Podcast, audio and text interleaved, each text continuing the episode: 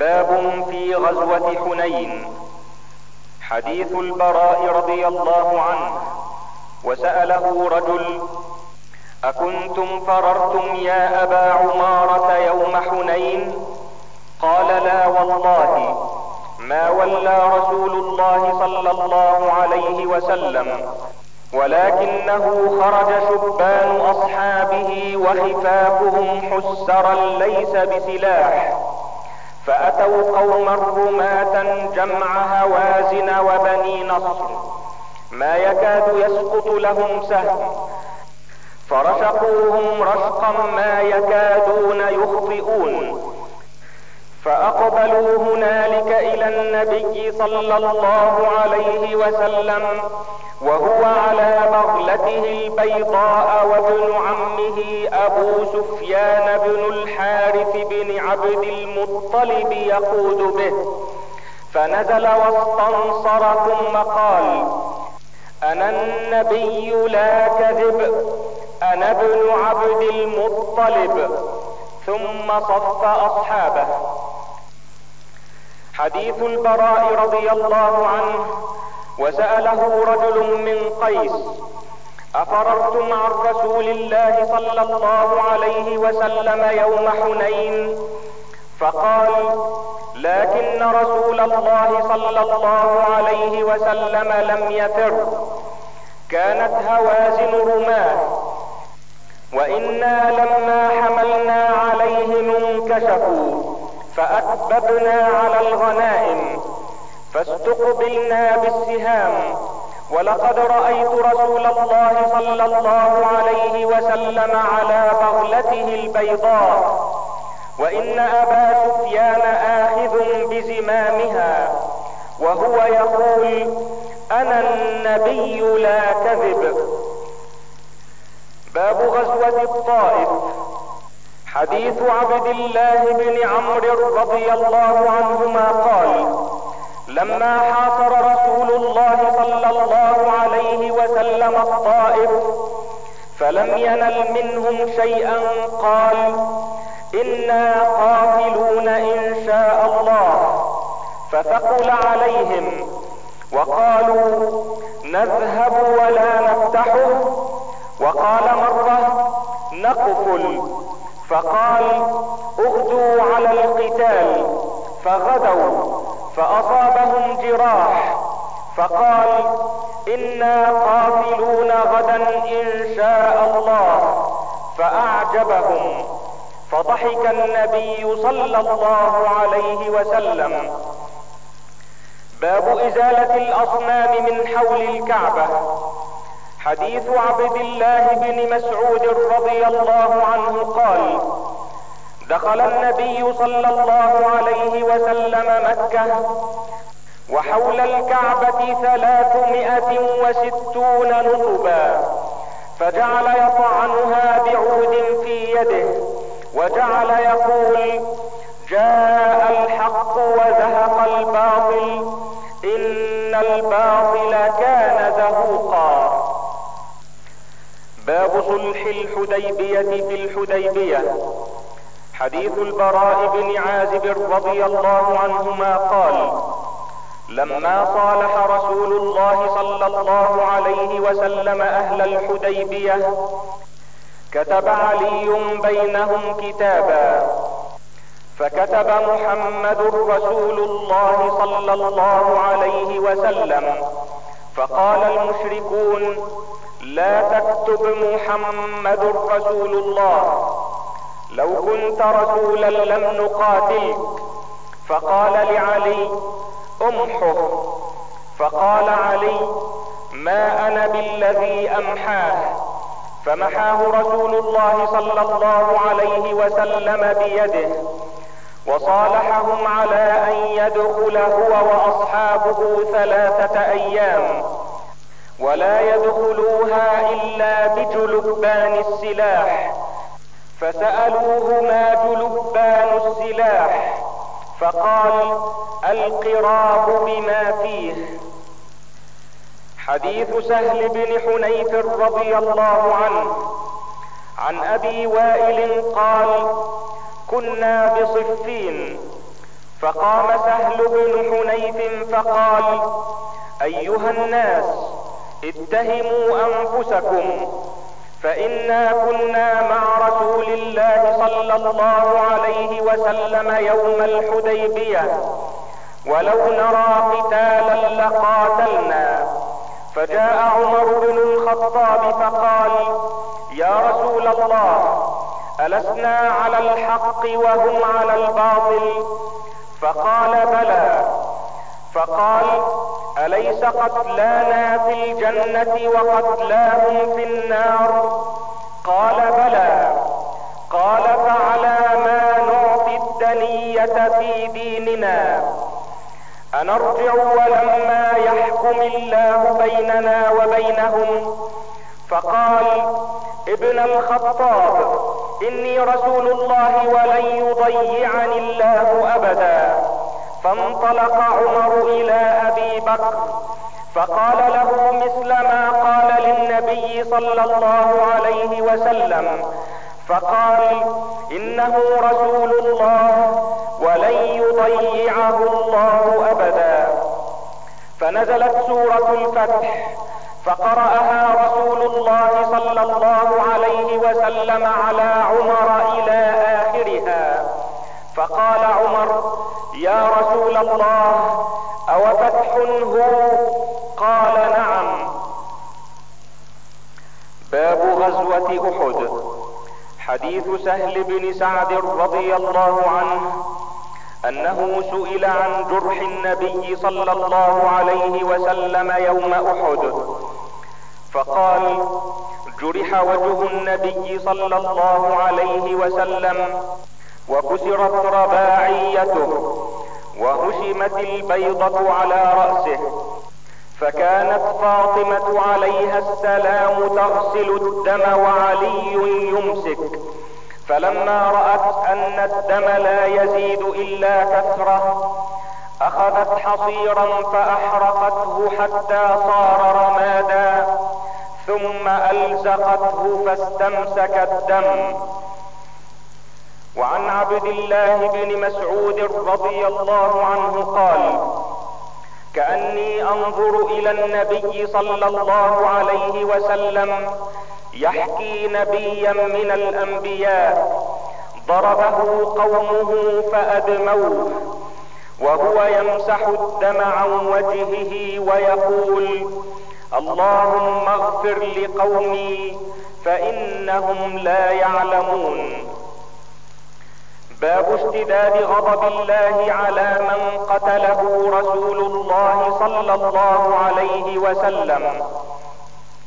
حديث أبي هريرة رضي الله عنه قال قال رسول الله صلى الله عليه وسلم اشتد غضب الله على قوم فعلوا بنبيه يشير إلى رباعيته.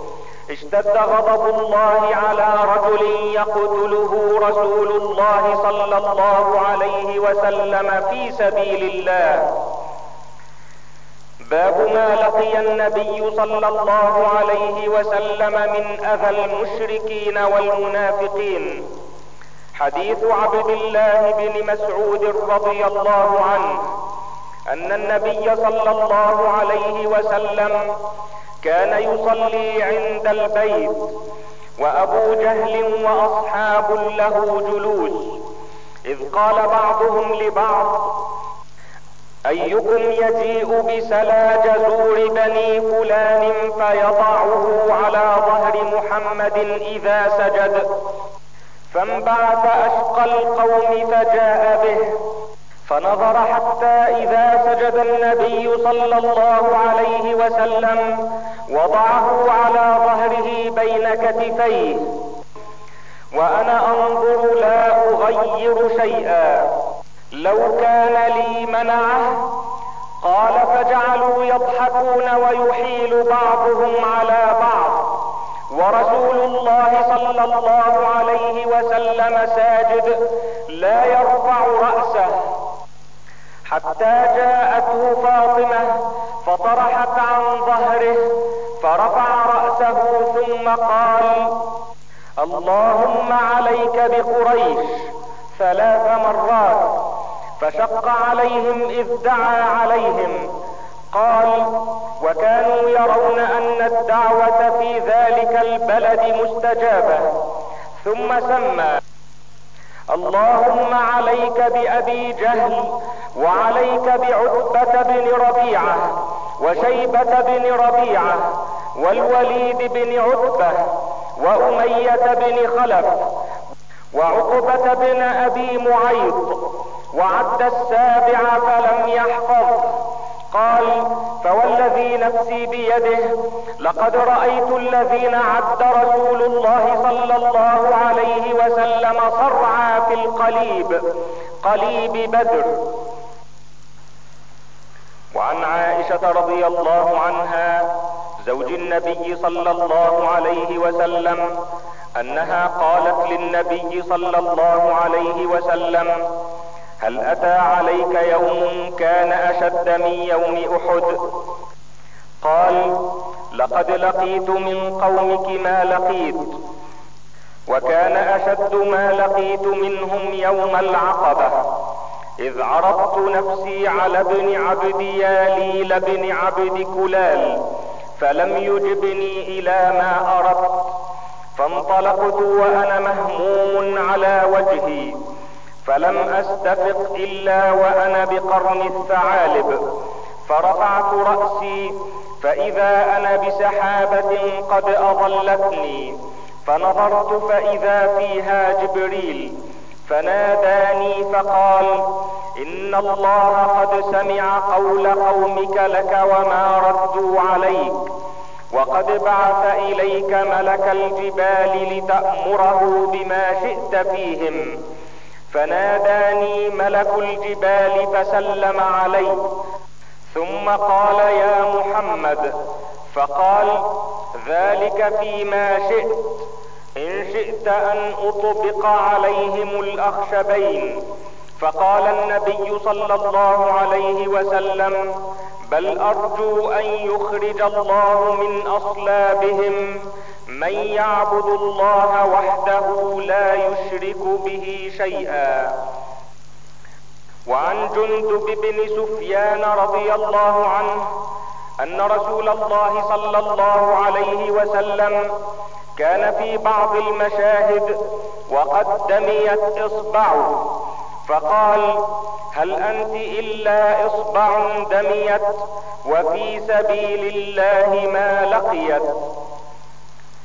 وعن جندب بن سفيان رضي الله عنه قال اشتكى رسول الله صلى الله عليه وسلم فلم يقم ليلتين أو ثلاثا. فجاءت امرأة فقالت يا محمد إني لأرجو أن يكون شيطانك قد تركك. لم أره قربك منذ ليلتين أو ثلاثا. فأنزل الله عز وجل والضحى والليل إذا سجى ما ودعك ربك وما قلى. باب في دعاء النبي صلى الله عليه وسلم إلى الله وصبره على أذى المنافقين. حديث أسامة بن زيد رضي الله عنه أن النبي صلى الله عليه وسلم ركب حمارا عليه اكاف تحته قطيفة فدكية وأردف وراءه أسامة بن زيد وهو يعود سعد بن عبادة في بني الحارث بن الخزرج وذلك قبل وقعة بدر. حتى مر في مجلس فيه اخلاط من المسلمين والمشركين عبدة الأوثان واليهود وفيهم عبد الله بن أبي بن سلول وفي المجلس عبد الله بن رواحة. فلما غشيت المجلس عجاجة الدابة خمر عبد الله بن أبي أنفه بردائه ثم قال لا تغبروا علينا. فسلم عليهم النبي صلى الله عليه وسلم ثم وقف فنزل فدعاهم إلى الله وقرأ عليهم القرآن. فقال أبي بن سلول أيها المرء لا أحسن من هذا. إن كان ما تقول حقا فلا تؤذنا في مجالسنا. وارجع إلى رحلك فمن جاءك منا فاقصص عليه. قال ابن رواحة اغشنا في مجالسنا فإنا نحب ذلك. فاستب المسلمون والمشركون واليهود حتى هموا أن يتواثبوا. فلم يزل النبي صلى الله عليه وسلم يخفضهم. ثم ركب دابته حتى دخل على سعد بن عبادة. فقال أي سعد ألم تسمع ما قال أبو حباب؟ يريد عبد الله بن أبي. قال كذا وكذا. قال اعف عنه يا رسول الله واصفح. فوالله لقد أعطاك الله الذي أعطاك. ولقد اصطلح أهل هذه البحرة على أن يتوجوه فيعصبونه بالعصابة. فلما رد الله ذلك بالحق الذي اعطاك شرق بذلك. فذلك فعل به ما رأيت فعفى عنه النبي صلى الله عليه وسلم. وعن أنس رضي الله عنه قال قيل للنبي صلى الله عليه وسلم لو أتيت عبد الله بن أبي فانطلق إليه النبي صلى الله عليه وسلم وركب حمارا فانطلق المسلمون يمشون معه وهي أرض سبخة فلما أتاه النبي صلى الله عليه وسلم قال إليك عني والله لقد آذاني نتن حمارك. فقال رجل من الأنصار منهم والله لحمار رسول الله صلى الله عليه وسلم أطيب ريحا منك. فغضب لعبد الله رجل من قومه فشتما. فغضب لكل واحد منهما أصحابه. فكان بينهما ضرب بالجريد والايدي والنعال فبلغنا أنها أنزلت وإن طائفتان من المؤمنين اقتتلوا فأصلحوا بينهما. باب قتل أبي جهل. حديث أنس رضي الله عنه قال قال النبي صلى الله عليه وسلم يوم بدر من ينظر ما فعل أبو جهل فانطلق ابن مسعود فوجده قد ضربه ابن عفراء حتى برد فأخذ بلحيته فقال أنت أبا جهل؟ قال وهل فوق رجل قتله قومه؟ أو قال قتلتموه؟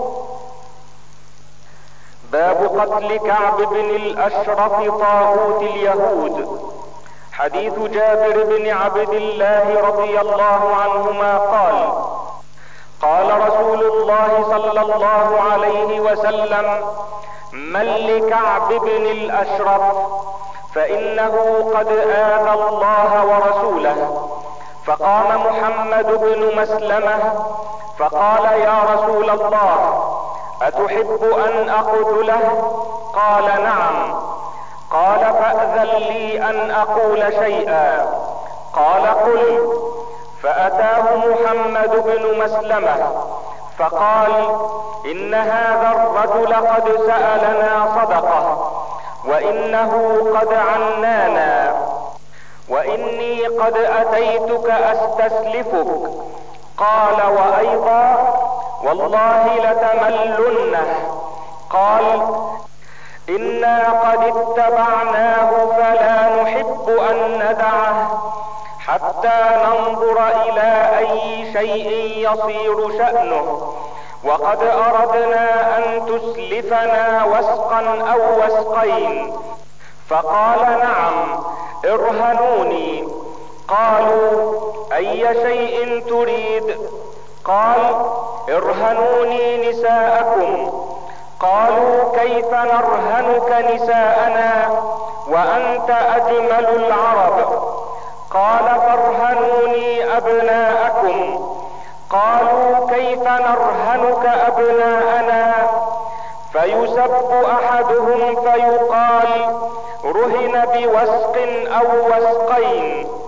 هذا عار علينا ولكنا نرهنك اللأمة يعني السلاح.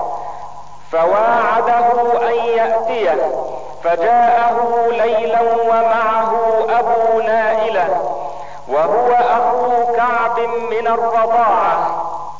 فدعاهم إلى الحصن فنزل إليهم. فقالت له امرأته أين تخرج هذه الساعة؟ فقال إنما هو محمد بن مسلمة وأخي أبو نائلة. قالت أسمع صوتا كأنه يقطر منه الدم.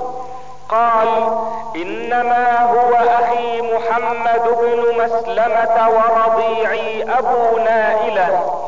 إن الكريم لو دعي إلى طعنة بليل لأجاب. قال ويدخل محمد بن مسلمة معه رجلين. فقال إذا ما جاء فإني قائل بشعره فأشمه. فإذا رأيتموني استمكنت من رأسه فدونكم فاضربوه. وقال مرة ثم أشمكم. فنزل إليهم متوشحا وهو ينفح منه ريح الطيب. فقال ما رأيتك اليوم ريحا؟ أي أطيب. قال عندي أعطر نساء العرب وأكمل العرب.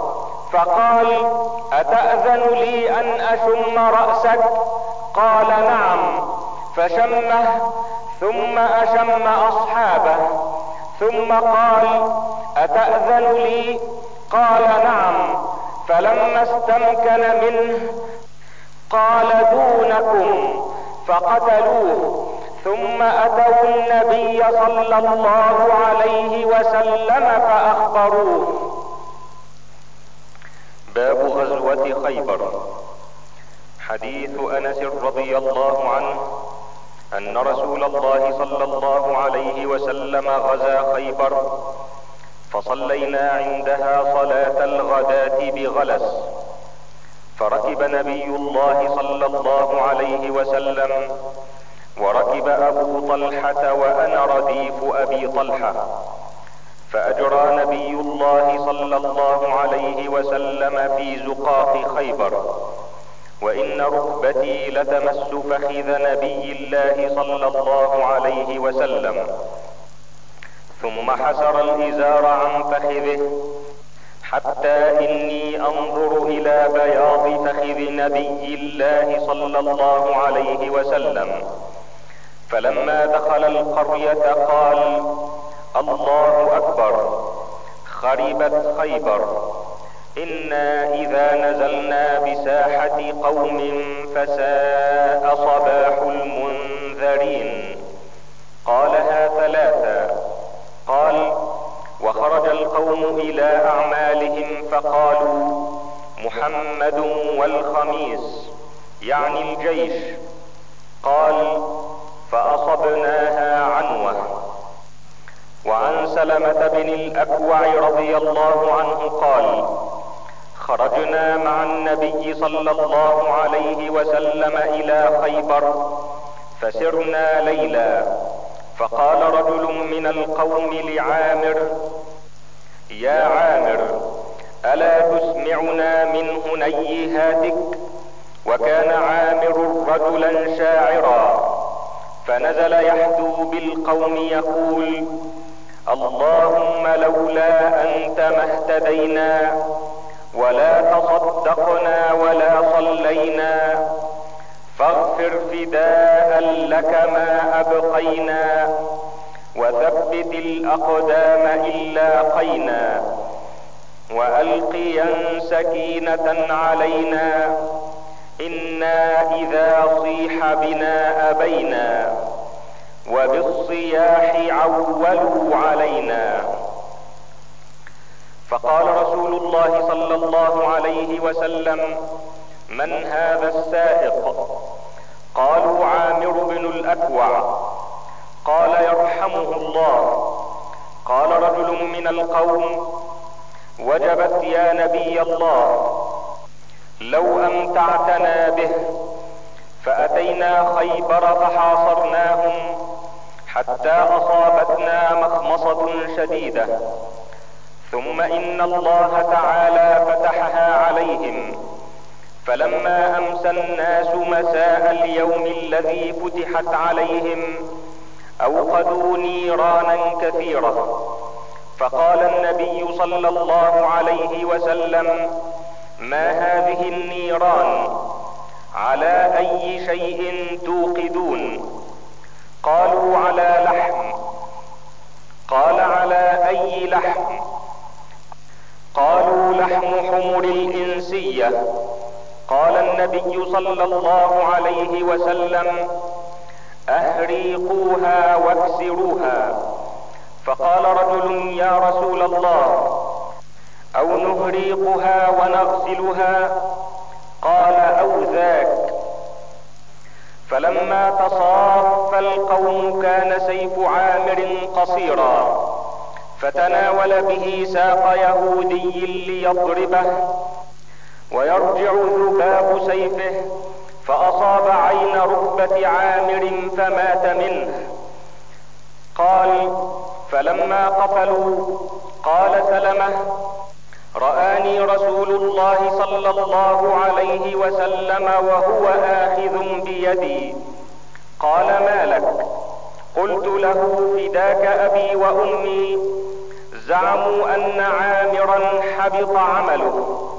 قال النبي صلى الله عليه وسلم كذب من قاله إن له لأجرين وجمع بين إصبعيه إنه لجاهد مجاهد قل عربي مشى بها مثله. باب غزوة الأحزاب وهي الخندق. حديث البراء رضي الله عنه قال رأيت رسول الله صلى الله عليه وسلم يوم الأحزاب ينقل التراب وقد وارى التراب بياض بطنه وهو يقول لولا أنت ما اهتدينا ولا تصدقنا ولا صلينا فأنزل السكينة علينا وثبت الأقدام ان لاقينا إن الأولى قد بغوا علينا. إذا أرادوا فتنة أبينا. وعن سهل بن سعد رضي الله عنه قال جاءنا رسول الله صلى الله عليه وسلم ونحن نحفر الخندق وننقل التراب على أكتابنا. فقال رسول الله صلى الله عليه وسلم اللهم لا عيش إلا عيش الآخرة فاغفر للمهاجرين والأنصار. وعن أنس بن مالك رضي الله عنه قال قال رسول الله صلى الله عليه وسلم لا عيش إلا عيش الآخرة فأصلح الأنصار والمهاجرة. وعن أنس رضي الله عنه قال كانت الأنصار يوم الخندق تقول نحن الذين بايعوا محمدا على الجهاد ما حيينا أبدا. فأجابهم النبي صلى الله عليه وسلم فقال اللهم لا عيش إلا عيش الآخرة فأكرم الأنصار والمهاجرة. باب غزوة ذي قرد وغيرها. حديث سلمة بن الأكوع رضي الله عنه قال خرجت قبل أن يؤذن بالأولى. وكانت لقاح رسول الله صلى الله عليه وسلم ترعى بذي قرد قال فلقيني غلام لعبد الرحمن بن عوف فقال أخذت لقاح رسول الله صلى الله عليه وسلم. قلت من أخذها؟ قال غطفان. قال فصرخت ثلاث صرخات يا صباحا قال فأسمعت ما بين لابتي المدينة ثم اندفعت على وجهي حتى أدركتهم وقد أخذوا يستقون من الماء فجعلت أرميهم بنبلي وكنت راميا وأقول أنا ابن الأكوع اليوم يوم الرضع. وأرتجز حتى استنقذت اللقاح منهم واستلبت منهم ثلاثين برده. قال وجاء النبي صلى الله عليه وسلم والناس فقلت يا نبي الله قد حميت القوم الماء وهم عطاش فابعث إليهم الساعة. فقال يا ابن الأكوع ملكت فأسجح. قال ثم رجعنا ويردفني رسول الله صلى الله عليه وسلم على ناقته حتى دخلنا المدينة. باب غزوة النساء مع الرجال. حديث أنس رضي الله عنه قال لما كان يوم أحد انهزم الناس عن النبي صلى الله عليه وسلم وأبو طلحة بين يدي النبي صلى الله عليه وسلم مجوب به عليه بحجفة له وكان أبو طلحة رجلا راميا شديد القد يكسر يومئذ قوسين أو ثلاثا وكان الرجل يمر معه الجعبة من النبل فيقول انشرها لأبي طلحة. فأشرف النبي صلى الله عليه وسلم ينظر إلى القوم. فيقول أبو طلحة يا نبي الله بأبي أنت وأمي لا تشرف يصيبك سهم من سهام القوم نحري دون نحرك. ولقد رأيت عائشة بنت أبي بكر وأم سليم وإنهما لمشمرتان. أرى خدم سوقهما تنقذان القرب على متونهما تفرغانه في أفواه القوم ثم ترجعان فتملآنها ثم تجيئان فتفرغانه في أفواه القوم. ولقد وقع السيف من يدي أبي طلحة إما مرتين وإما ثلاثا. باب عدد غزوات النبي صلى الله عليه وسلم. حديث عبد الله بن يزيد الأنصاري رضي الله عنه أنه خرج وخرج معه البراء بن عازب وزيد بن أرقم رضي الله عنهم فاستسقى. فقام بهم على رجليه على غير منبر فاستغفر. ثم صلى ركعتين يجهر بالقراءة ولم يؤذن ولم يقم. حديث زيد بن أرقم رضي الله عنه. عن أبي إسحاق قال كنت إلى جنب زيد بن أرقم فقيل له كم غزا النبي صلى الله عليه وسلم من غزوة؟ قال تسع عشره قيل كم غزوت أنت معه؟ قال سبع عشره قلت فأيهم كانت أول؟ قال العسيرة أو العشير. وعن بريدة رضي الله عنه أنه غزا مع رسول الله صلى الله عليه وسلم ست عشرة غزوة. وعن سلمة بن الأكوع رضي الله عنه قال غزوت مع النبي صلى الله عليه وسلم سبع غزوات. وخرجت فيما يبعث من البعوث تسع غزوات. مرة علينا أبو بكر ومرة علينا أسامة. باب غزوة ذات الرقاع. حديث أبي موسى رضي الله عنه قال خرجنا مع النبي صلى الله عليه وسلم في غزاة ونحن ستة نفر. بيننا بعير نعتقبه. فنقبت أقدامنا. ونقبت قدماي. وسقطت أظفاري. وكنا نلف على أرجلنا الخرق. فسميت غزوة ذات الرقاع. لما كنا نعصب من الخرق على أرجلنا. وحدث أبو موسى بهذا ثم كره ذاك. قال ما كنت أصنع بأن أذكره كأنه كره أن يكون شيء من عمله أفشاه. كتاب الإمارة. باب الناس تبع لقريش والخلافة في قريش. حديث أبي هريرة رضي الله عنه أن النبي صلى الله عليه وسلم قال الناس تبع لقريش في هذا الشأن مسلمهم تبع لمسلمهم وكافرهم تبع لكافرهم.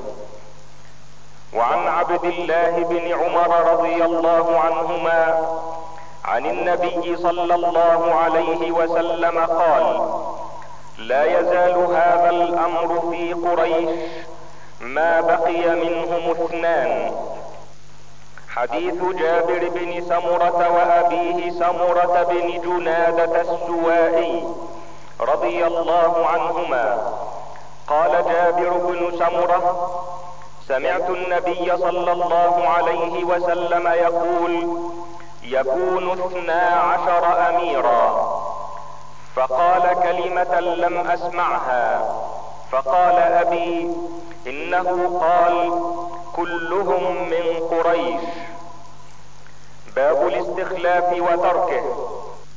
حديث عمر رضي الله عنه. عن عبد الله بن عمر رضي الله عنهما قال قيل لعمر ألا تستخلف؟ قال إن أستخلف فقد استخلف من هو خير مني. أبو بكر وإن أترك فقد ترك من هو خير مني. رسول الله صلى الله عليه وسلم فأثنوا عليه فقال راغب راهب وددت أني نجوت منها كفافا. لا لي ولا علي. لا أتحملها حيا وميتا. باب النهي عن طلب الإمارة والحرص عليها. حديث عبد الرحمن بن سمرة رضي الله عنه قال قال النبي صلى الله عليه وسلم يا عبد الرحمن بن سمره لا تسأل الإمارة فإنك إن أوتيتها عن مسألة وكلت إليها وإن أوتيتها من غير مسألة أعنت عليها. حديث أبي موسى ومعاذ بن جبل رضي الله عنهما قال أبو موسى أقبلت إلى النبي صلى الله عليه وسلم ومعي رجلان من الأشعريين أحدهما عن يميني والآخر عن يساري.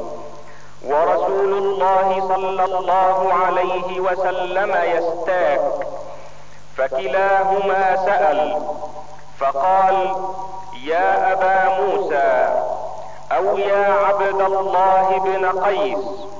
قال قلت والذي بعثك بالحق ما أطلعاني على ما في أنفسهما وما شعرت أنهما يطلبان العمل فكأني أنظر إلى سواكه تحت شفته قلصت فقال لن أو لا نستعمل على عملنا من أراده.